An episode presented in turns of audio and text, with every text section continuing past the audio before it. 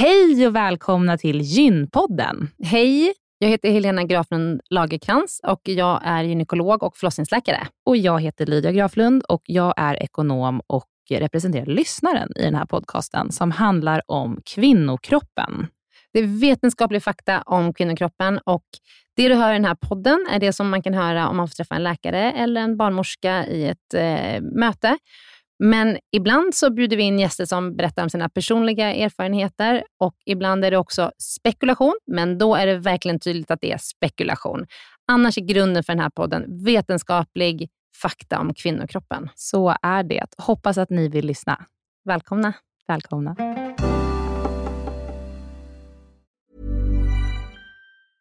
Life is full of awesome what ifs, and some not so much, like unexpected medical costs. That's why United Healthcare provides Health Protector Guard fixed indemnity insurance plans to supplement your primary plan and help manage out of pocket costs. Learn more at uh1.com. Den här veckans avsnitt av Gynpodden är sponsrad av Ester Care. Och Helena, det är ju det bolaget, vårdbolaget, som du och jag har varit med och startat, där vi erbjuder digitala vårdmöten med specialister inom kvinnovård. Precis. Och vi vet att det är väldigt mycket vårdpersonal som lyssnar på Gynpodden, vilket vi är jätteglada för. Och vi behöver alltid fler gynekologer till SDKR. Så därför vill vi nu göra en shout-out till alla er som lyssnar ute som vill vara med och förändra svensk kvinnovård.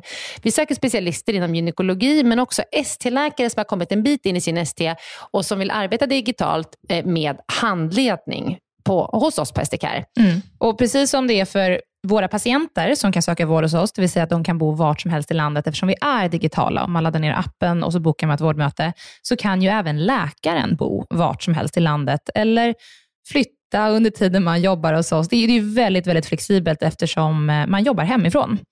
Och Jag tänker att det måste ju också vara helt underbart att som läkare kunna arbeta hemifrån och planera sin egen tid några dagar i veckan. Ja, verkligen. Och samtidigt vara med och förändra kvinnovården med kollegor som är otroligt drivna och engagerade. Det är jätteroligt att jobba på SDKR. Och jag tycker att det här är en häftig grej som vi gör just nu, att vi erbjuder gyn, äh, gynvård i hela landet. Och vilka är de vanligaste patientmötena du tar, Helena? Ja, men det är ju klimakteriet, eh, PMS, eh, mensbesvär. Och det är ju såklart ärenden och eh, diagnoser som går att hantera digitalt. Men vi remitterar också vidare när det behövs mm. Eh, och tar labbprover när det behövs mm. och så vidare. Mm. Så gå in på sdcare.com, klicka på jobba hos oss i menyn för att läsa mer och skicka in en ansökan. Tack så mycket. Tack och välkomna. Hej och välkomna till Gynpodden. I alla tider så har vi redan som barn lärt oss att vi ska bete oss på ett visst sätt beroende på vilket kön vi har. Och även dagens föräldrar som uppfattas som medvetna och mål, eller framåtriktade hamnar i den här fällan även om man inte vill. Det här följer oss sedan hela livet. I vissa delar av världen är det fortfarande uttalat att kvinnan är underställd mannen, medan vi andra anses vara jämlika. Men jag tror att vi alla vet någonstans att vi inte är det. Men ibland kan det vara svårt att sätta fingret på hur. Och därför har vi bjudit in dagens gäst som har skrivit en bok på ämnet, Louise Arvidsson. Välkommen. Hej, tack så mycket. Jag är så glad att du är här. det glädjer mig. Ja, och jag brinner för det här området. Det här är, jag tycker det här liksom, du går in på det man själv känner av, men inte kan riktigt formulera för att det är i strukturer och om man inte tydliggör det så är det sjukt svårt att bli konkret kring det. Ja, det är så små grejer ibland ja. som man typ känner mig sig kanske lite dum för att man ja. poängterar det. Ja. Men när man ser när saker sker tusenfalt så blir det en struktur och därmed kommer det kanske påverka både ditt kapital eller din sexuella hälsa eller vad som helst. Du har skrivit en fantastisk bok och jag ska ge dig en introduktion. Louise, du är bosatt i Stockholm. Yes. Du har två utbildningar från Lunds universitet, en i beteendevetenskap och en i ekonomi. Yes. Du har även en journalistutbildning mm. och är författare och framförallt skrivit boken Morgondagens könsroller som vi ska prata om idag. Hur kom du in på det här ämnet? Alltså jag får ju så frågor ibland, fick du en aha-upplevelse eller något sånt? Och um, eh, det skulle man väl kunna, för en dramaturgisk process skulle man väl vilja säga ja. Det verkligen kom bara till mig. Men grejen är väl också, jag kommer från en mer konservativ miljö också, mm. vilket gör att de här frågorna kanske inte alltid har varit på agendan. Vilket, men jag har fortfarande haft en, liksom, inte obstinat, um, sida av mig, men jag har alltid haft en ifrågasättande liksom, eh, jargong om hur jag ser på livet och allting runt omkring en. Så ehm, eh, ja, det, har kom, det är inte linjärt, utan det har liksom kommit så småningom. Det har varit en process, det har varit inlärning. Men när jag var klar med stu- eh, liksom alla studierna och så här, så insåg jag ja, nu har jag samlat på mig en jäkla massa och jag kan typ inte, jag måste bara få ur mig det här. Jag, också har, alltså, jag behövde gå lite mer på mitt känslomässiga Mm. jag än mer ja, men det akademiska. Eh, och jag har lärt mig väldigt mycket som jag kan applicera på det här med eh, min liksom, twist.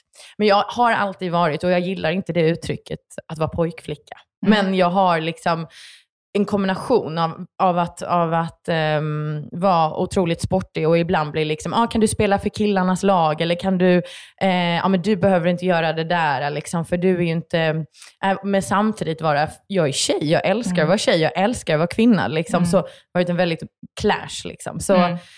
när jag började skriva så kände jag, shit vad det här är rätt. Och gud vad mycket frågor och gud vad jobbigt det här kommer bli. Men Ja. det är värt det. Ja. Ja. Och att synliggöra, för jag kan känna igen det där. För jag har också varit lite pojkflicka, Mm. som du pratar om i boken. Just att man kanske har de attribut som tillskrivs pojkar och män, men man är tjej. Och eh, det har uppmärksammats på olika sätt, vilket man har känt skaver. Eh, på ett sätt, samtidigt som man typ så här, blir lite, man, för det sägs ofta i en positiv benämning. ja, och så tvärtom för pojkarna. Ja. Det är för att man uppfattas som att man är svagare Ja. om man är tjej. Ja. Och det har varit skit, eh, eh, alltså konstigt. För att då blir det så här, ska jag anamma de här eh, Ja. grejerna? Nej, jag kan inte anamma det hela tiden. Jag kan bara anamma till exempel att om jag tar det här som jag skriver om i boken, ja, men man står på en brännbollsrunda Mm. bara när man är 8-9 år och väljer fel eller rätt typ av rack om man Mm. är tjej eller kille. Mm. Som kille är det verkligen inte okej att ta det racket som inte ger det längsta slaget. Liksom. Eh, och vice versa.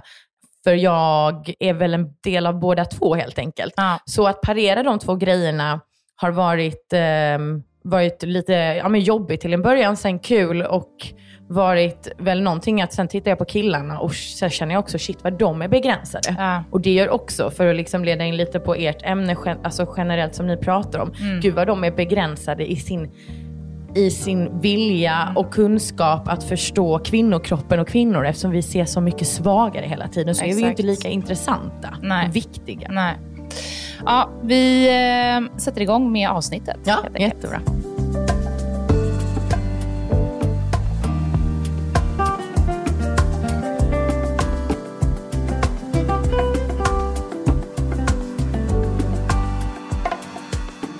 Första frågan.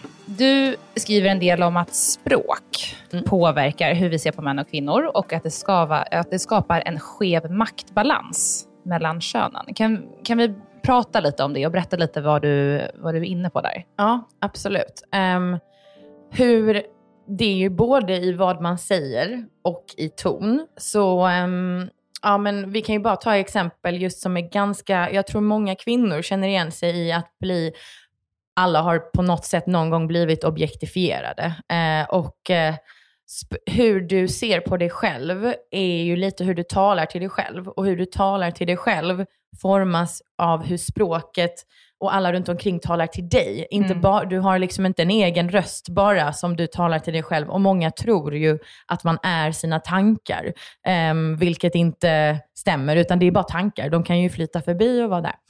Så man har ju benämnt objekt mycket genom tiderna som, ehm, som eh, kvinnliga. Det vill säga, jag skriver om det om båtarna helt enkelt. Men det finns också en... Med kvinnliga namn då, Ja, för den precis. som inte har läst. precis. Mm. Här är Pernilla, båten Pernilla och eh, jag är sjökapten. Och vilka, det är bara männen som var sjökapten, det är ju det vi har i historien. Eh, det finns ju, på de flesta platser i jorden får ju kvinnor fortfarande inte ha yrket sjökapten. Ehm, så ja, det talar ju sitt tydliga språk helt enkelt när vi talar om språk. Men det, ehm, det gör ju att vem, jag styr skutan dit jag vill, jag är den som ehm, hanterar henne, jag tar hand om henne, jag är hennes ägare och så vidare. Den här, eh, det är en förenkling för att beskriva lite hur vi, hur vi generellt också har, hur man har sett på kvinnor. Man eh, objektifierar kvinnor både i, både i bild och i språk. Eh, och eh, inom reklamen och sådana saker mm. så är det ju väldigt mycket eh, bilden och där är det ännu lättare att ta till sig. Men i språket ehm, så är det ju de här, precis som vi pratade lite om i början, det är de små det, det, är lite svårt att ta fasta på om någon säger någonting. Ja, men gumman, kan inte du komma och hämta den här grejen? Eller någonting sånt. Och det finns väldigt tydliga, eh, har man sett i många studier, generella eh, eh, sätt vi ser på människor när vi har respekt för dem. Mm. Och det går utöver, eh, utöver länder och utöver etnicitet och religion. Och eh, då finns det vissa attribut eller vissa, vissa sätt vi talar till varandra, både i ton och eh, i språk, där vi ser att vi brister ganska mycket i hur vi talar till flickor och till kvinnor. Jag vet att Nina var inne lite på det också när man eh, pratar med flickor versus pojkar när de är små. Redan där sätter vi väldigt mycket tonen för hur de ska tänka om sig själva. Mm. Så eh, till flickorna är det ju väldigt mer, mycket mer ömhet och vi ska ta vara på dig och du, du är så skör och du är eh, såja lilla gumman och det är, det är mycket klapp på huvudet. Medan det är mycket mer aktivitet och eh, självbestämmande som genereras genom språket till pojkarna. Alltså mm. bara ordet liksom um, beautiful och handsome. Um, beautiful översätts alltid till kvinnor. Så um, vi kommer in på den där med alla, all litteratur genom mm. 1900-talet. Eh, Men eh, så beautiful är, är en passiv, ett passivt begrepp som är liksom någonting vackert som man tittar på.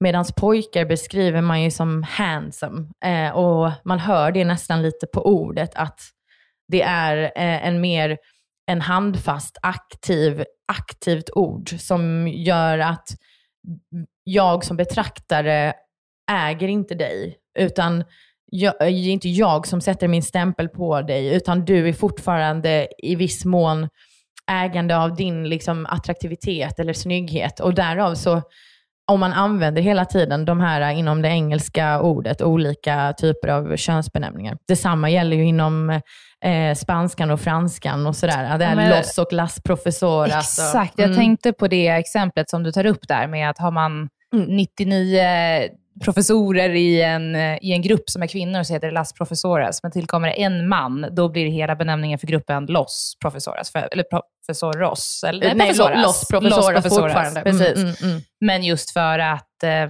han sätter tonen då för att och det blir... Vice versa är det ja. ju inte, om det är 99 män och en kvinna kommer in, då är hon, betyder ju, hon ändrar ju inga, ingen, inga riktlinjer ja. i språket. Men där hela grundspråket egentligen utgår då från det manliga, alltså loss egentligen då. Mm. Att det är det natur, det är det, det är det liksom basen. Ja, alltså jag, jag är inte lingvistiker, liksom, men mm. det jag förstår är ju att Um, om männen har en ton i samhället, då är det de som, um, uh, då är det de som tar över mm. uh, ordet. Mm. Liksom. Men uh, sen är det ju upp, i franskan är det ju uppdelat um, lite, det kan vara väldigt olika, det behöver inte vara, jag tror la chemise är ju liksom en ett, ett bord eller så, jag minns inte riktigt. Men det är ju mm. inte så här ett traditionellt kvinnligt eh, ord.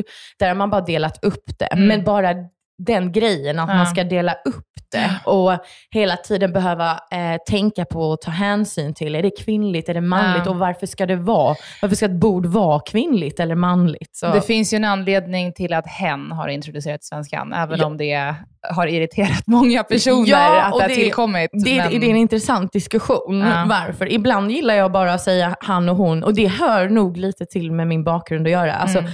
Min konservativa bakgrund, inte jag så men jag är ju inte omgiven av folk som hela tiden säger hen. Jag har inte gått liksom södra latin och bor på sö alltså sådana grejer. Vilket jag tycker är viktigt också att poängtera. Mm. Att allting eh, behöver inte vara så liksom, ja, men det tar tid för folk att ta till sig mm. och man måste med, som jag gör i boken, förklara varför det är viktigt. Det är mm. inte något liksom bara peka på och ta tillbaka makten och stå på barrikaderna, utan det här sätter liksom R i hjärnan på människor. Men det är ju symbolik. Alltså det är liksom inga det är ju det som gör, det är det, jag menar i början också med att så här, man känner att någonting skaver, men man vet man kan inte sätta finger på det. Det är ju för att det handlar om symbolik. Eh, jag, jag, tycker ett annat eh, exempel som du tar upp i boken, som också gjorde mig superirriterad, just också för att vi är inom sjukvårdsbranschen, var hysterektomi.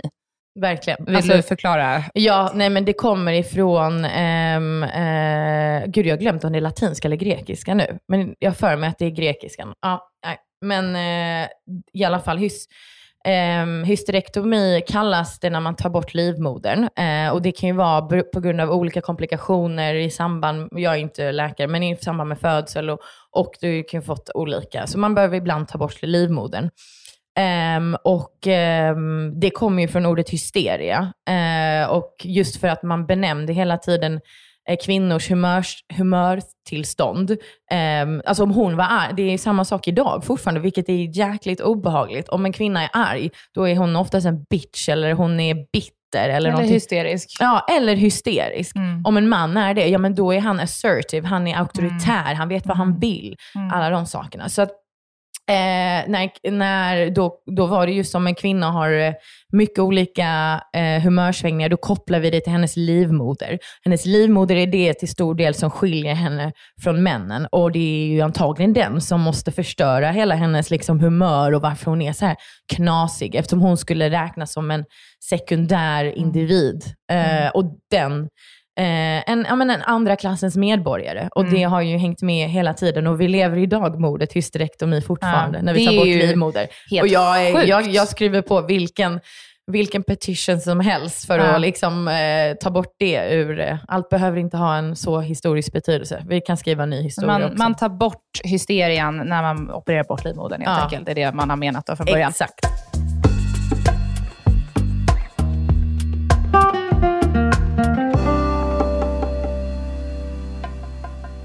Du pratade om det i början också, just att, ehm, att Darwin liksom befäste att kvinnan är, har ett lägre intellekt än mannen eh, och att det har sedan levt kvar genom historien. Vetenskapen, alltså Ja. generellt. De har ju, alltså det var ju, och jag säger återigen, vi lever ju, ingenting är så svart eller vitt. Och jag kan tänka mig att det är dels, en del som kritiker som går emot jämställdheten och så vill hela tiden, nej men, och där är ju vi, det är ju så intressant och att vi, det vi är ute efter är ju att se till speciellt som ni är med Esther Care, att vi har ju olika förutsättningar och därför ska vi satsa olika på kvinnor och män när det kommer till det fysiologiska framförallt. Och där har man struntat i det. Mm. Men när det kommer till det intellektuella, när det kommer till att forska på liksom, ehm, ehm, ja, men allt ifrån som är ehm, feberdämpande till vaccinationer till allting, ja, men då har man istället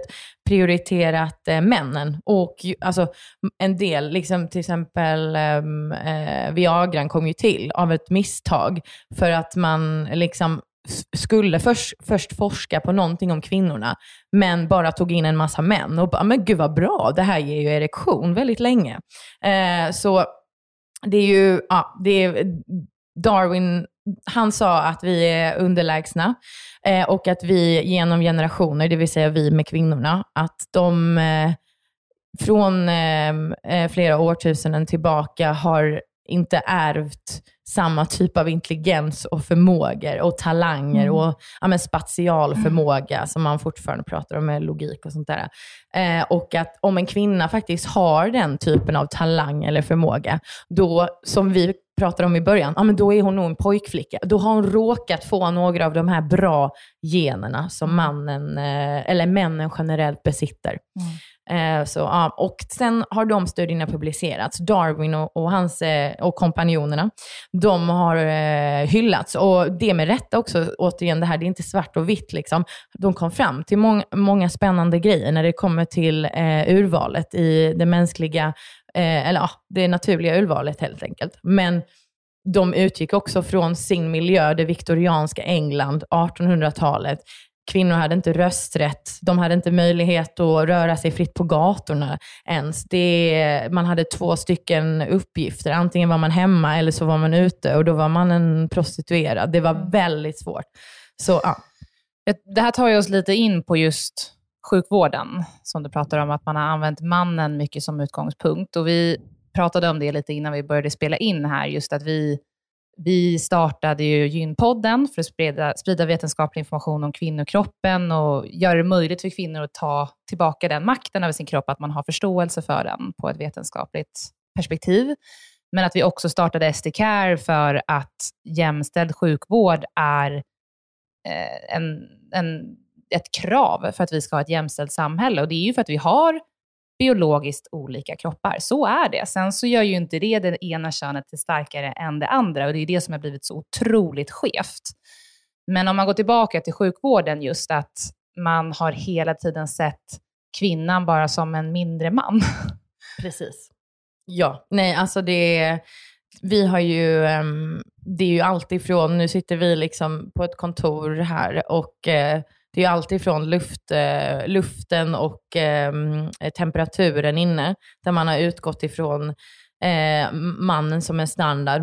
En man på 70-75 kilo ungefär, vilket jag tycker är ganska lätt, men jag tror man vägde för, mindre för, för man hade inte så mycket att bygga med. Men ehm, ingenting i hormonperspektiv, i, i, eh, i sätt att se man har ju sett barnafödandet och allting egentligen. Bara det är, liksom, det är det som gör att du är kvinna. Och det är också en synd. Och religionen har ju länge hängt, hängt med in i vetenskapen på ett väldigt skevt sätt. Och ätit sig in i värderingar och gör det fortfarande, till exempel i landet i USA, där, vi, där man bedriver mycket av forskningen fortfarande som är mycket bra och mycket framträdande. Men de här eh, mer traditionella aspekterna på, på kvinnor och män har gjort att kvinnorna har hela tiden förbipasserats. Och det, gör, det beror ju också på att det inte är kvinnor som har suttit vid makten på universiteten och forskningscentrumen som har kunnat få medel att forska och välja vilken inriktning. Och det, om, man, om man tittar på akademin så är ju 70 procent plus eh, professorer manliga. Mm. Och med det sagt så vill jag inte säga att ah, men bara för du är man så fokuserar du bara på det manliga, mm. eh, den, om vi pratar kroppen. Men det finns en tradition och det visar ju sig som att, inte, att de inte har valt att forska på den kvinnliga kroppen. Nej, men det är ju också så här, och det vet man ju, det du inte vet om, det finns ju inte. Och om då inte kvinnor har släppts in i rummet tillräckligt länge för att berätta om det här, då har det ju inte kommit upp på agendan. Nu kan man ju tycka att, att det är nya tider och att vi är i rummet och det är ju fortfarande inte tillräckligt högt prioriterat. Så att man, det här är ju ett arbete som man får fortsätta kriga för. Ehm, men jag tycker att du tar upp eh, många intressanta exempel. Nu har vi inte med Helena här idag, men just hur symptomen för hjärtinfarkt ser ut. Att det, det är ju någonting som vi har pratat om tidigare, att det ser det man går ut efter är hur det blir för mannen och för kvinnan ser det helt annorlunda ut. Och därför har man missat när kvinnor har fått hjärtinfarkter och så har de blivit sjukare eller dött i större utsträckning för att man har inte vetat hur indikationerna för hjärtinfarkt har sett ut för kvinnor helt enkelt. Ja, och också för att både det och eh, så kvinnor vet ju inte själva. Och sen har vi inte gjort eh, sådana dockor för att göra HLR på, med bröst. Så när folk går fram och ska, vill göra det på kvinnor så har man inte riktigt vågat. Det har funnits liksom en, ett, ett ännu stigma där. För att Gud, blir jag anmäld för övergrepp om jag mm. eh, tar på hennes bröst om hon nu faktiskt inte har en hjärtinfarkt? Ja. Eller är det en Och så menar man väl och så blir det fel. Och så blir det helt fel. Mm. För att det har alltid varit mannen som har satt mm. standarden. Ja. Detsamma gäller också om vi, det är så intressant, det är därför allting hänger ihop så himla mycket just när vi pratar om sjukvården men också fysionomin. Det vill säga eh, de arbetena som tidigare har varit mer manliga och därmed fysiskt krävande eftersom kvinnor knappt har fått göra dem om det inte är att lyfta med alltså de traditionella som man tänker på. Sen har kvinnor gjort otroligt mycket fysiskt arbete, men det har inte belysts. Mm. Men eh, poliskåren, brand, brandkåren, eh, byggarbetarna, kvinnor har ju, det är först 2020 vi började få eh, material till Försvarsmakten där kvinnors uniformer var formade utefter kvinnokroppar. Mm.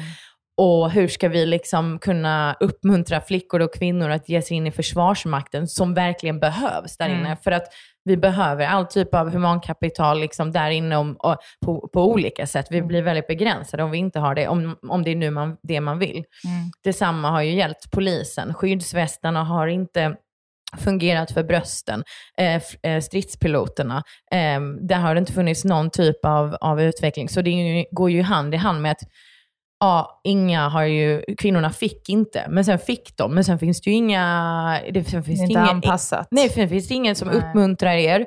Eh, Det vill säga, samma gäller ju inom sporten. Ja. Det läggs ju inte alls lika mycket pengar på ungdomssporten på, det, på pojkarnas sida som på flickornas. Och det gör ju också att man eh, kanske inte blir uppmuntrad som, som flicka och, och så vidare. Nej.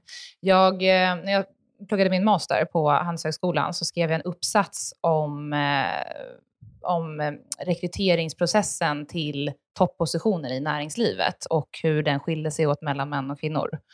Och jag och min uppsatspartner Ragna, vi var hos en eh, executive search-firma och fick tillgång till hela deras databas och gick igenom alla deras rekryteringar som de hade gjort då till ja, men många börs roller i Sverige, i liksom, ja, de stora bolagen vi har i Sverige. Och vi kom väldigt tydligt fram till att kvinnor hanteras på ett helt annat sätt än män när de, när de, i rekryteringsprocessen. När läste och, du din master? Det här var 2016. Ja, det är liksom igår. Typ. Ja, Ja. Det är typ igår och det är fortfarande så. Och det här ser man ju, nu ska jag inte uttala mig exakt för jag har inte kollat på siffrorna, men det kommer ut en Allbright-rapport Ja. varje år Mm. och där ser man ju att det går neråt igen. Och, och det är ju en annan grej också som är sorglig, att när det blir mer turbulenta tider så backar vi i jämställdhetsarbetet, för då går, man kanske, då går man tillbaka, jag vet inte om det är att man går tillbaka till det man känner till då, så som det alltid har varit. Eller liksom, Antagligen, och också så här, ja men jämställdhetsarbete, det är en extra kostnad som marknadsföring. Man har dragit in mycket på marknadsföringen nu i, Ja. i den här ekonomin också, för att det är de sakerna som ryker. Som att det är en, exakt, som att det är någon lyxgrej. Men eh, när vi pratar ekonomi generellt, så många, eh, de flesta företag som är diversifierade och har lägre personalomsättning, det vill säga dina arbetare trivs på jobbet så de vill inte byta arbete. Man tjänar mer pengar, så är det, punkt. Liksom. Och eh, de bolagen som har lägre personalomsättning drivs av kvinnor eller då kanske de mer vad man ser kvinnliga, inom citattecken, ehm, attributen. attributen och egenskaperna. Så ja, det är ju skevt. Men ja, det har gått tillbaka. Jag såg också det i eh, de, de, den rapporten. Here's a cool fact a crocodile can't stick out its tongue. Another cool fact you can get short term health insurance for a month or just under a year in some states. United Healthcare short term insurance plans are designed for people who are between jobs, coming off their parents' plan, or turning a side hustle into a full time gig. Underwritten by Golden Rule Insurance Company, they offer flexible, budget friendly coverage with access to a nationwide network of doctors and hospitals. Get more cool facts about United Healthcare short term plans at uh1.com. Quality sleep is essential. That's why the Sleep Number Smart Bed is designed for your ever evolving sleep needs. Need a bed that's firmer or softer on either side? Helps you sleep at a comfortable temperature? Sleep Number Smart Beds let you individualize your comfort so you sleep better together. JD Power ranks Sleep Number number 1 in customer satisfaction with mattresses purchased in-store. And now, save 50% on the Sleep Number limited edition Smart Bed for a limited time. For JD Power 2023 award information, visit jdpower.com/awards. Only at a Sleep Number store or sleepnumber.com. Den här veckan så är Gynpoddens avsnitt sponsrat av hemsidan mittpreventivmedel.se som är en informationshemsida gjord av Bayer. Mm. Och vi har pratat om den tidigare i avsnitt, eh, om att eh, det finns olika tester du kan ta, eller det finns ett test du kan ta. Du kan också gå in och jämföra olika preventivmedelsmetoder för att se vilken som är bäst för dig. Och Du Mm. kan titta på en film där Mm. du kan förbereda dig inför att du ska träffa barnmorska eller gynekolog och skaffa ett pre- preventivmedel. Men det vi skulle vilja berätta om idag, det är att det finns också då eh, på mittpreventivmedel.se så finns det en bra lathund om man råkar glömma ta sitt p-piller, eftersom det beror ju lite på liksom när i kartan som du glömmer att ta ditt piller. Och Då kan du gå in under rubriken “Känner du igen dig?” så finns det en rubrik som heter “Undvika oplanerad graviditet”. Och Där är listat sådana här saker då som kan hända. Att mensen är sen, du har glömt att ta p-pillret, behov av akut p-piller och kondomen gick sönder. Ja, du vet Lydia, olika saker som kan hända Mm. som ändå gör att man blir sjukt orolig och behöver få information om vad som kan hända. Så börja med att gå in och läsa på den här sidan för att se liksom lite var passar du in någonstans. Mm. Det här är faktiskt en väldigt viktig del av den här hemsidan. Ja, och det är en superenkel guide där man Mm. fyller i hur många piller man har glömt, vilken sorts karta det var. Är det en karta med fyra eller sju sockerpiller, inga alls? Ehm, ja. Så att det, är- det är väldigt anpassat till din situation och sen Mm. så får du råd. Mm. Och ibland kan det vara att man bara, bara behöver ta igen det här pillret som man har missat och ibland behöver man kanske komplettera och ha kondom i en vecka liksom, eller så under en viss tid. Så att, eh, ja, men den är informativ och bra. Så gå in och kolla på mittpreventivmedel.se och sen klicka vidare till den här lathunden då, som man hittar under rubriken Känner du igen dig? Mm. Jättebra sida. Tack Eh, Bayer. Tack Bayer.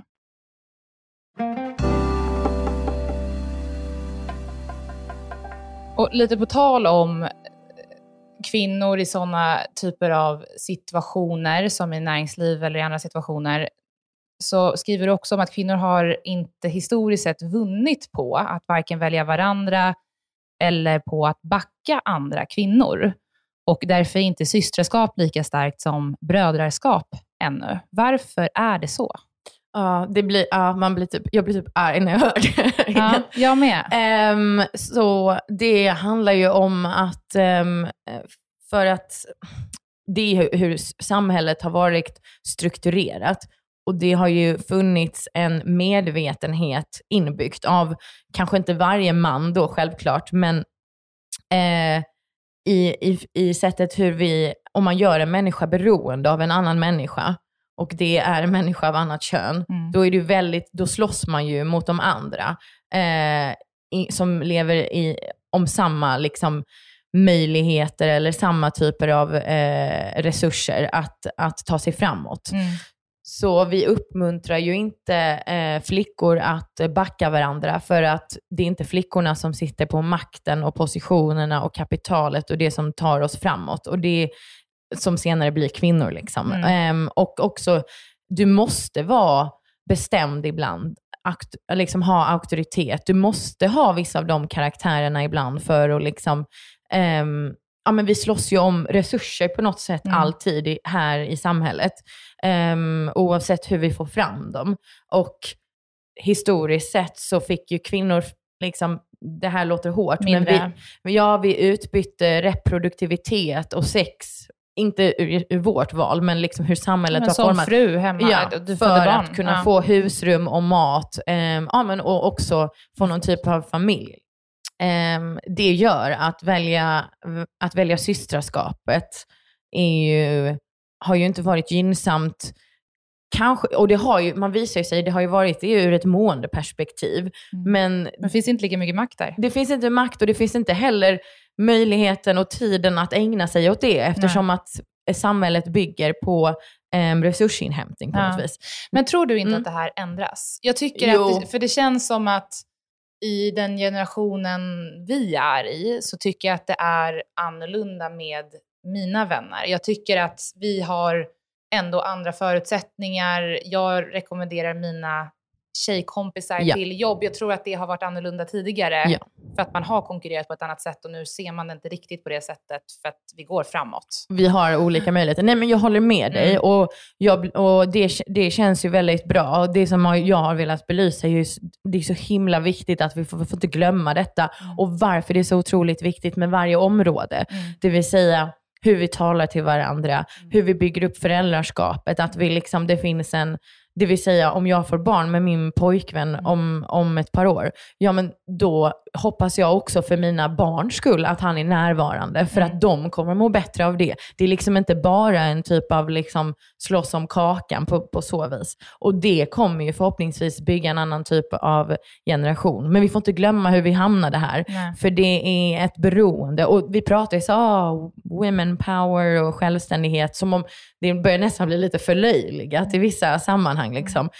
Men det är otroligt viktigt att bygga den, den eh, tryggheten hos flickor och pojkar. Att liksom våga lita på varandra men också ha en självständighet för då kommer, då kommer vi inte behöva tala om systerskap och brödraskap. Mitt mål är ju att vi ska liksom tala om vänskap Individer. eller individer. Ja. Liksom, Ja. Att, vi, att vi bygger, ja, för att då har vi en meritokrati. Liksom. Då har vi eh, på riktigt, att vi ser, precis som du talade om lite tidigare, att rekryteringsprocesserna ser liksom annorlunda ut. För helt plötsligt, ja, jag, ska, liksom, jag har en kompis som för ett halvår sedan var så här, ja, jag har förlovat mig. Jag ska, gud vad kul, gud vad roligt, tummen upp liksom. Men så skulle hon på intervju en månad senare, hon bara, jag måste nog ta med min förlovningsring. För det kommer tyda på att jag är liksom, de vet ju hur gammal jag är, men det kommer ännu mer tyda på att jag kanske är i, i um, fruktbar ålder och kanske är på väg åt det mm. hållet och då kommer jag behandlas annorlunda mm. än en man för att det finns fortfarande kvar de strukturerna. Man, man får ju ofta höra att eh, det är just i barnafödande ålder som de absolut största skillnaden börjar visa sig. Och det förstår man. Jag tycker också att det hänger ihop, alltså det hänger ihop såklart med föräldraledighet och ja. hur man fördelar den, men också med återhämtning och sjukvården runt kvinnan. Ja. Att den är så obefintlig efter att man har fått barn, man har ont, man är fysiskt eh, mörbultad ja. för att man har gått igenom en, en lång graviditet med, som har ganska mycket jobbiga saker i sig för många kvinnor. Och sen så går du igenom en förlossning. Det, jag kan bli otroligt frustrerad. Det är, det är inte så konstigt att det ser ut som det gör. Och det är klart att det är jättebra att man pressar fram att man ska ha lika föräldraledighet. Mm. Men man måste ju också så här, hjälpa henne att komma tillbaka till sin fysiska styrka igen. För att vem och psykologiska. Som, och psykologiska ja. såklart. Men för vem som helst som går runt och har ont mm. blir psykologiskt nedbruten och orkar inte. Verkligen. Det, det, håll, det, jag håller, håller helt med dig. Mm. Och just som det obetalda arbetet som är då um, som man lägger på och sen lägger in i föräldraledigheten och så vidare. Där jag tror om vi kan skapa en större normalitet för föräldraledigheten att, att delas, men också precis som ni gör, att man hallå, man kan gå igenom det här, man kan gå igenom det här. Jag minns min mamma, hon låg, på, hon låg i sjukhuset med mig 24 timmar, hon blev eh, ja, men, sydd, jag vet inte hur många stygn. Alltså, det, pappa fick hämta sitt ring och det var hela faderullan. Eh, och hon var gymnastiklärare och de, liksom var, de var arga på mamma för hon hade för mycket magrutor när hon födde mig. Liksom. Mm. Och du kan inte ha så här mycket magrutor. Eh, nej, så, eh, och så är det olika för ehm, varje kvinna också. Det är mm. så individuellt. Mm. Nej, och att få då få tillbaka ehm, när det obetalda arbetet som, tidigare, som idag är betalt arbete, det vill säga hushållsmaskinerna, diskmaskinerna, alla sådana grejer, vi måste få ut en del av det obetalda arbetet till det betalda och att kvinnorna äger det. Det vill säga, idag, vilka är det som äger Electrolux? Vem är det som, eh, mm. eh, vem är, det som är vd för eh, eh, Whirlpool? Alltså så. Det är män idag och det var tidigare kvinnor som ägnade sig åt alla dem. Så målet är till slut att en del av det obetalda arbetet ska hamna ute i, i näringslivet och att vi ska kunna skapa jobb av det för att sen och att kvinnor ska vara ute och kunna äga det och det kommer förhoppningsvis antagligen ge mer, om vi kan belysa det. Det vill säga mm. man började ju inte beräkna på det här förrän för 2000-talet. Man nekade och nekade och nekade eh, eh, att ge pengar i, eh, i EU för att kunna titta på det hur mycket, hur mycket obetalt arbete kvinnor faktiskt gör i hemmet. Det vi, vi pratar miljarder, alltså flera, flera, flera miljarder varje år som kvinnor åstadkommer för att vi ska kunna få ja, men, civiliserade människor eller, och, och allt det här. Och därmed att skapa bra eh, förhållanden och belysa det som ni gör. Jag tycker det är, det är skitbra. Men, ja. Det för mig lite in på eh, en, en sektion där du pratar om att kvinnor som är ogifta återhämtar sig bättre efter en hjärtinfarkt än kvinnor som är gifta, medan att det är tvärtom för män. Det beror på att kvinnor i en gift relation går tillbaka till hemarbete fortare än de ogifta kvinnorna och tvärtom är det för gifta män som blir ompysslade av sin partner efter att de har haft en infarkt. Ja, alltså det är nästan man behöver typ inte ens kommentera det, för det är... Ja, det visar ju just, ja, men vi pratar ju könsnormer och, och strukturer just där och det äter sig ju in i att um, um, den generella kvinnan ska ta mycket mer ansvar och förväntas ta mycket mer ansvar både i hus och hem, i, i, i livet generellt. För annars är man inte, man får ju så mycket positiv förstärkning av det redan från att man är ung som tjej. Jag har jobbat med att typ arbeta bort det. Så här, nej men nu städar jag inte, så nu, nu gör jag inte det här. Alltså nu får någon annan göra det. liksom det Men hur får man en jämställd parrelation? Vad, ska, mm. vad, vad, vad, vill du skicka ut till alla som lyssnar på det här avsnittet som man ska tänka på? Och hur lyckas man? För jag tror alla vill ha det, antar jag. Ja, ja, jag Men att man. Mm. kanske inte förstår vad det är som gör det ojämställt. Man ser inte strukturen i det och man vet inte hur man ska ändra det.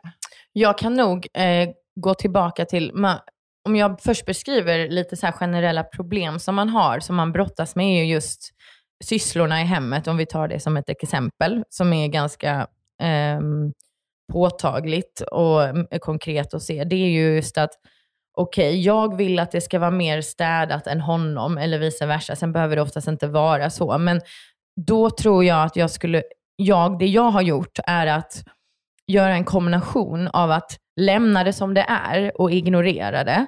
Ehm, och att ibland sä, säga det, jag, så här återigen, det är inte, nu, nu pratar jag om i traditionella könsroller, för så är det lite hemma hos mig också. Alltså så här, jag måste ibland säga så här, nej men, ja, nu tycker jag att vi behöver nog städa upp lite här. Ehm, men, och det är inte mitt jobb som, som kvinna egentligen. Och problemet är väl lite grann att pojkarna har lärt sig sedan lång tid tillbaka att de inte behöver förhålla sig till vissa av de här sakerna. Jag, Mm. jag ser inte det och jag bryr mig inte. Jag säger återigen att det inte är, är allihopa. Men en kombination av att säga, jag önskar att eh, vi skulle, du skulle kunna ordna det, eller jag önskar att vi skulle kunna göra det, och sen lämna det. Inget tjat, i, ingenting, utan att man faktiskt finns, det finns en uppmuntran, men det handlar ju också om att man måste, att leva i en relation är också, det är ju en kompromiss. Så det är ju inte, man kommer aldrig få det precis som man vill. Man Och- kanske får släppa lite på ja, det, tänker du? Alltså Mm. det, och, det, och släpp lite. Så här, som vi, när det, just när det kommer till barn, som man ser att kvinnor blir så himla ibland då man ska jämföra sig hur jag är som mamma eller hur jag är som eh, ja, men i hemmet. Hur ser ditt hem ut? Om ni är värdinnepar. Eh, då är det ju mer så här, hur ser det ut? Ja, men då, kom, då ger man komplimangerna till kvinnan och inte till mannen. Mm. Och det jag skulle vilja skicka med där är ju mer, låt honom göra det han, alltså, han, barnen kommer inte dö för att, han, för att han får ta över matsäcken eller, eller så. Visst, det kanske kommer vara en hungrig åttaåring, men då, då liksom är det ju hans ansvar. Eh, och så är det nästa gång får, får han göra det. Och inte bara hela tiden känna ansvar och ta ansvar, bara för annars blir det inte gjort. Ja. Ibland måste man släppa det och låta det ehm, låta det hända. För då Mm. kommer han också, man lär sig inte om någon bara tar över hela tiden. Nej. Så det, det, det är det. Du får gå, man får gå lite grisigt eller överstädat eller ja, vad, det, vad är det nu för problem man har. Så. Ja, släppa Släpp, lite släpp, på släpp, kraven. släpp lite på kraven. Släpp Mm. kraven på dig själv. För jag Mm. tror det är lite det det handlar om ibland, att vi ska leva upp till en, en viss typ av norm av hur man är kvinna och mamma och, Mm. och eh, flickvän eller ja, fru.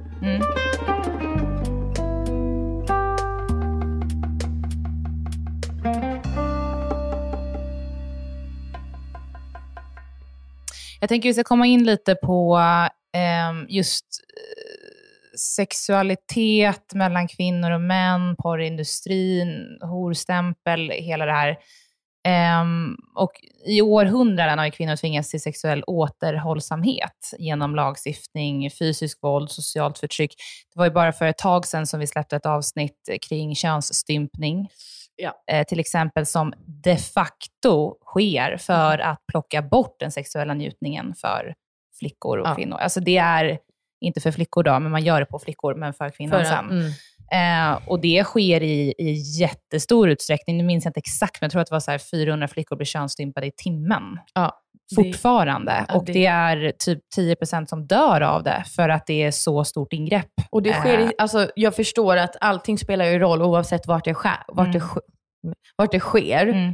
Men det sker här i Sverige också. Det är det som är obehagligt. Sen sker det ju för att det finns en viss kultur. Ja. Kanske inte som är den svenska kulturen generellt. Men, ja, ja, jag det, kan inte uttala mig exakt om vad, för jag tror att de skickar dem till Ja. länder där det genomförs, men, men också säkert Det att det sker läkare som-. Men det är ju högst olagligt. Men det är olagligt i många länder, men fortsätter att göras. Men vi lämnar det, för det är ju ett ämne i sig som är fruktansvärt. Mm. Ja. Och vi har pratat med en läkare som jobbar med det här väldigt Mm. mycket i ett annat avsnitt. Men vart kommer det här ifrån? Varför ska kvinnor inte få vara sexuella varelser? Varför har man lärt ut att kvinnor har mindre sexlust än män? Stämmer det? Nej, det stämmer inte. Kan vi Så bara... varför tror alla män att de har mer sexlust? Jag tycker ofta att man hör att män, de måste få titta på porr hela tiden, för de har högre sexlust än vad sin flickvän har, eller vad tjejer har generellt sett, och det här är ett sätt att ta ut det på. Jag, Nej. jag blir så här, Det- va? Det, alltså, inga studier visar på att kvinnor har, har lägre sexlust Mm. än, än män. Det som påverkar dock är om, för det som påverkar kvinnors ehm, sexlust bland annat är ju testosteronhalterna, Mm. precis som hos männen. Mm. Och eh, testosteron kanske, eller hormoner generellt, kanske en del ehm, tolkar som, och återigen, jag är inte läkare, men Nej. det här är, jag har ju läst en del studier om det här, så Mm. jag ändå känner att jag kan uttala mig lite grann om det, och jag skriver om det i boken också eh, med hänvisning till dem. Det är just att omgivningen, miljön, påverkar dina hormoner. Det vill säga om du har en aggressiv miljö som eh, bygger hierarkier, då kommer din testosteronhalt att triggas. Mm. Och ju yngre du är och ju oftare eh, den testosteronhalten triggas, ju lättare kommer du ha att komma upp i de nivåerna senare när du är en vuxen person. Och det här spelar ingen roll om det är kvinnor eller män. Nej. Sen har vi kvinnor lägre testosteronhalt, men vi har ingenting som skulle göra att eh, vår de, har, ja, men de har ju testosteronhalter som slår i taket och allting hör till sexlusten. Mm. Utan det hör till många andra beteendevariabler eh, också. Mm.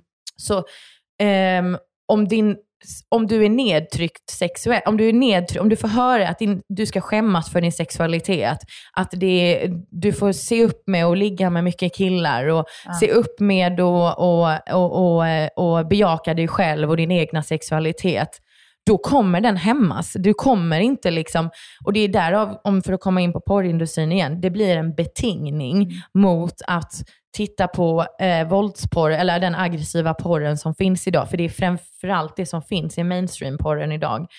Ehm, då kommer du ha ett mer, eh, ett mer vålds, ehm, sexuellt kapital, vad skulle man kunna säga? Alltså så här, du förhåller dig mer till, du tänkte kanske inte att det här är det jag tänder på, men ju mer man tittar på, ju mer man ägnar sig åt det, ju mer kommer du ehm, också att bli tänd på de grejerna. Ja. Men blir du återhållsam får du höra under hela din pubertet när din sexualitet ska utvecklas att banne mig, ligger du med mycket snubbar Ja. eller liksom beter du dig på det här viset så Eh, så eh, ja, men då, är du, alltså, då får du ett socialt straff oavsett. Ja. Så det kommer påverka hur du förhåller dig till dig själv och din sexualitet. Så, um, och historiskt sett så beror det ju på att är en kvinna sexuellt fri, Ja. det är livsfarligt för männen. Ja. För då, kan, då vet jag inte vem, vilket mitt barn är.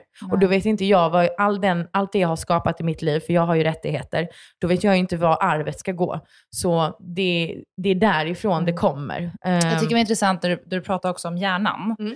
Att, eh, nu minns jag inte om du sa att liksom, kvinnor och mäns hjärnor är likadana när vi föds, men just det här att hjärnan formas ju framför allt av olika nervbanor som enforcas av våra sociala strukturer hela tiden till en mycket högre grad än att det skulle skilja sig åt för att du är född till man eller kvinna. mycket. Alltså, eh, och det här påverkar ju det såklart. Alltså, Självklart. har du en beteende, beter dig på ett visst sätt, då kommer det bli så. Och, och det är ju också så här fantastiskt att tänka så, för då betyder det att- möjligheterna finns att skapa Exakt. någonting annat. liksom. och just det här att du verkligen kan bestämma själv vem du vill vara. Ja, till stor utsträckning så kan du det. Det är ju mycket jobb och svårt. Liksom. Mm. Men det betyder ju också att vi kan ändra. Vi kan ändra mycket av det. Av det. Genetiken, vi, absolut, vi ska inte slå bort genetiken. Jag vill också säga det, att Mm. det, vi har ju, ehm, vi, men jag tror Nina nämnde det också i tidigare avsnitt och jag kan nog inte nog poängtera hur många studier som kommit fram till att det är större skillnad mellan eh, inom grupperna kvinnor och män än vad det är mellan kvinnor och män. Vilket bevisar väldigt mycket både i personlighet och beteende och egenskaper. Det finns så mycket mer humankapital som vi idag begränsar på grund av könsnormerna. Mm. Och sexualitet är ju definitivt en utav dem. Ja. Ja, nu, nu har vi pratat på här ett tag och det är så mycket mer jag känner att jag vill ta upp. Det är dels liksom kring skönhetsindustrin, Ja. Mm. att den är uppbyggd av män, de tjänar pengarna, 90% kommer av kvinnornas plånböcker. Yes. Och vi tvingas att lägga pengar på det, så kan vi inte lägga pengar på annat. Och Investera i aktier eller Ja, vad vi vill eller göra. Eller stoppa ett eh, gå och egen... träna, eller Ja. så här, vara med, jag vet spela köp- tennis eller så här, Dricka vin med kompisarna och bygga Ja. systerskap. Ja, nej, då går man och slingar håret och så har man inte råd med något annat sen. Precis. Eh, men vi, vi ska inte gå in på det, för att vi har också poddat om det tidigare. Mm. Eh, däremot så skulle jag jättegärna vilja prata lite mer bara om incels. Ja. Eh, för det känns som ett växande fenomen, om man kan Mm. kalla det för det. Eh, har säkert alltid funnits, men att det är någonting som mer hamnat på tapeten senaste åren. Ja, jo, det skulle jag säga. Speciellt med tanke på det, den våldsutövning som kopplats till incels och de manifest som skrivits, eh, framförallt i USA. Så därmed, eftersom de har varit extrema de senaste åren, så har man lättare kunnat se typ hela skalan av det. Vill du berätta för de som inte vet vad en incel är? Uh, invol- det står för involuntary celibate, liksom. så att du Celibacy. är, ja, Mm. celibacy. Så du är ju, ehm, du är, ja men du... Ja, men ofrivilligt har du inget samliv. Nej, någon. precis. Mm. Ehm, och det är ju i huvudsak män som man pekar på eh, att detta drabbar. Dock har jag liksom sett att det är kvinnor också som lever i det här. Ehm, och det är ju rätt, och då är det ju så här, ja, det, återigen för att komma tillbaka till sexlusten, då poängterar man, nej men va? Alla killar vill ju ligga med någon oavsett hur hon ser ut. Så eh, alla tjejer får ju ha sex någon gång ändå. Men det är ju ett samliv som vi pratar om, det är ett sexliv vi pratar om. Så um, nej, det, um, det är just att um, det byggs upp, det här är ju en stor del av nätet också, det byggs upp en filterbubbla, framförallt hos unga killar. Att tro att man är, ja men de göder sin osäkerhet eller förtäcker det med hat och, och känslor av ensamhet som sen blir, istället för att faktiskt kunna prata om det på ett mer, som jag, vill lyft, som jag lyfter i manlighetsnormen också, att vi kvinnor får faktiskt större utrymme att prata om Mm. våra känslor. Mm. Pojkar begränsas mycket, mycket mer till det, vilket gör att män som sen är fullt kapabla sexuella varelser med mer ehm, fysiska eh, möjligheter, därmed kan, ehm, alltså jag vill säga, kan utföra våld på ett Mm. annat sätt, kan uttrycka då sina känslor på ett väldigt skevt sätt, för Mm. eftersom inte de har fått lov. Och det har man sett med tanke på att just incel-debatten har gått lite. Mm. Mer pojkar har börjat söka hjälp för psykisk ohälsa. Det har ju varit en väldigt så här, traditionell bild i psykologin att att kvinnor är, ja, men de är deprimerade hela tiden och de går runt och ja, men, antingen är de hysteriska eller så är de deprimerade.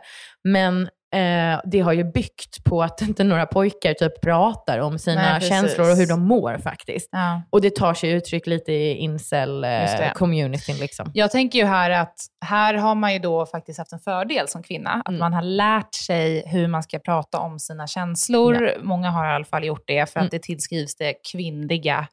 Sättet att vara på, medan män inte pratar känslor. Det här har ju kommit upp jättemycket och har ju lett till extremt mycket psykisk ohälsa bland män, vilket ju incel är ett stort symptom på. Precis. Ehm, så att det, det är ju, där har man ju en stor negativ aspekt för männen ja. i könsrollerna. Jag vill bara säga det att jag lyfter också att könsrollerna spe, spelar också, ehm, ja, men det, det är tungt för många killar att behöva förhålla sig till det.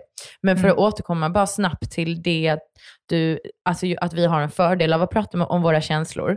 Ja, när vi sitter med våra systrar och Mm. kompisar så är det en fördel.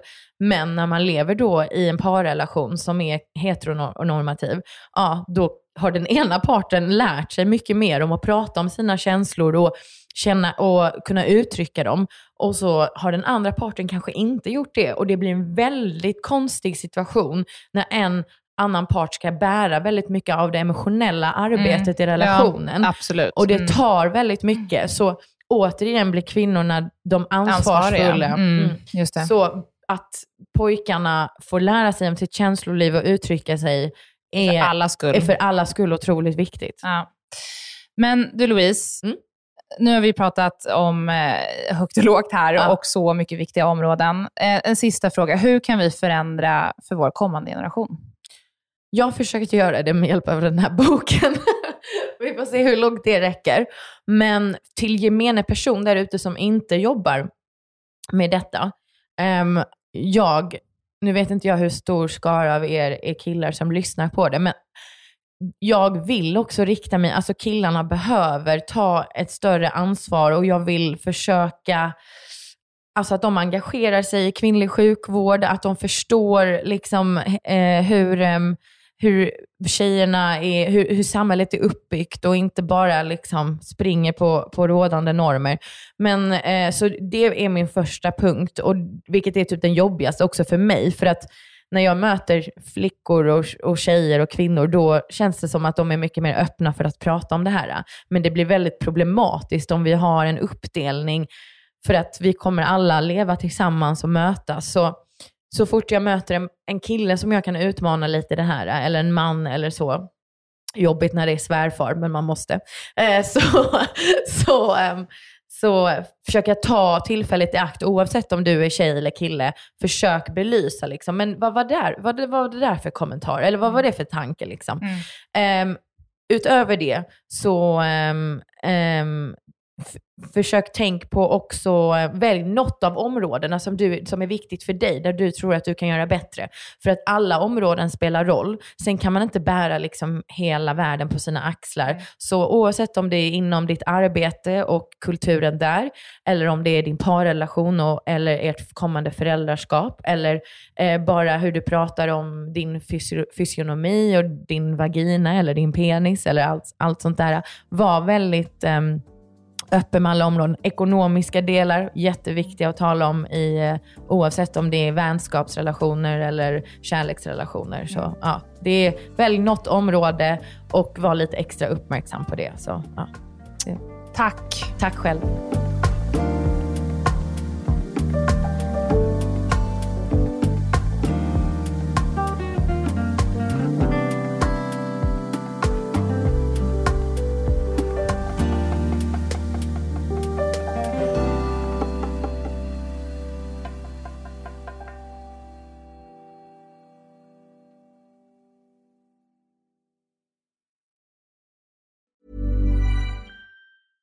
Even when we're on a budget, we still deserve nice things. Quince is a place to scoop up stunning high-end goods for 50 to 80% less than similar brands. They have buttery soft cashmere sweaters starting at $50, luxurious Italian leather bags, and so much more. Plus, Quince only works with factories that use safe, ethical, and responsible manufacturing. Get the high-end goods you'll love without the high price tag with Quince. Go to quince.com/style for free shipping and 365-day returns.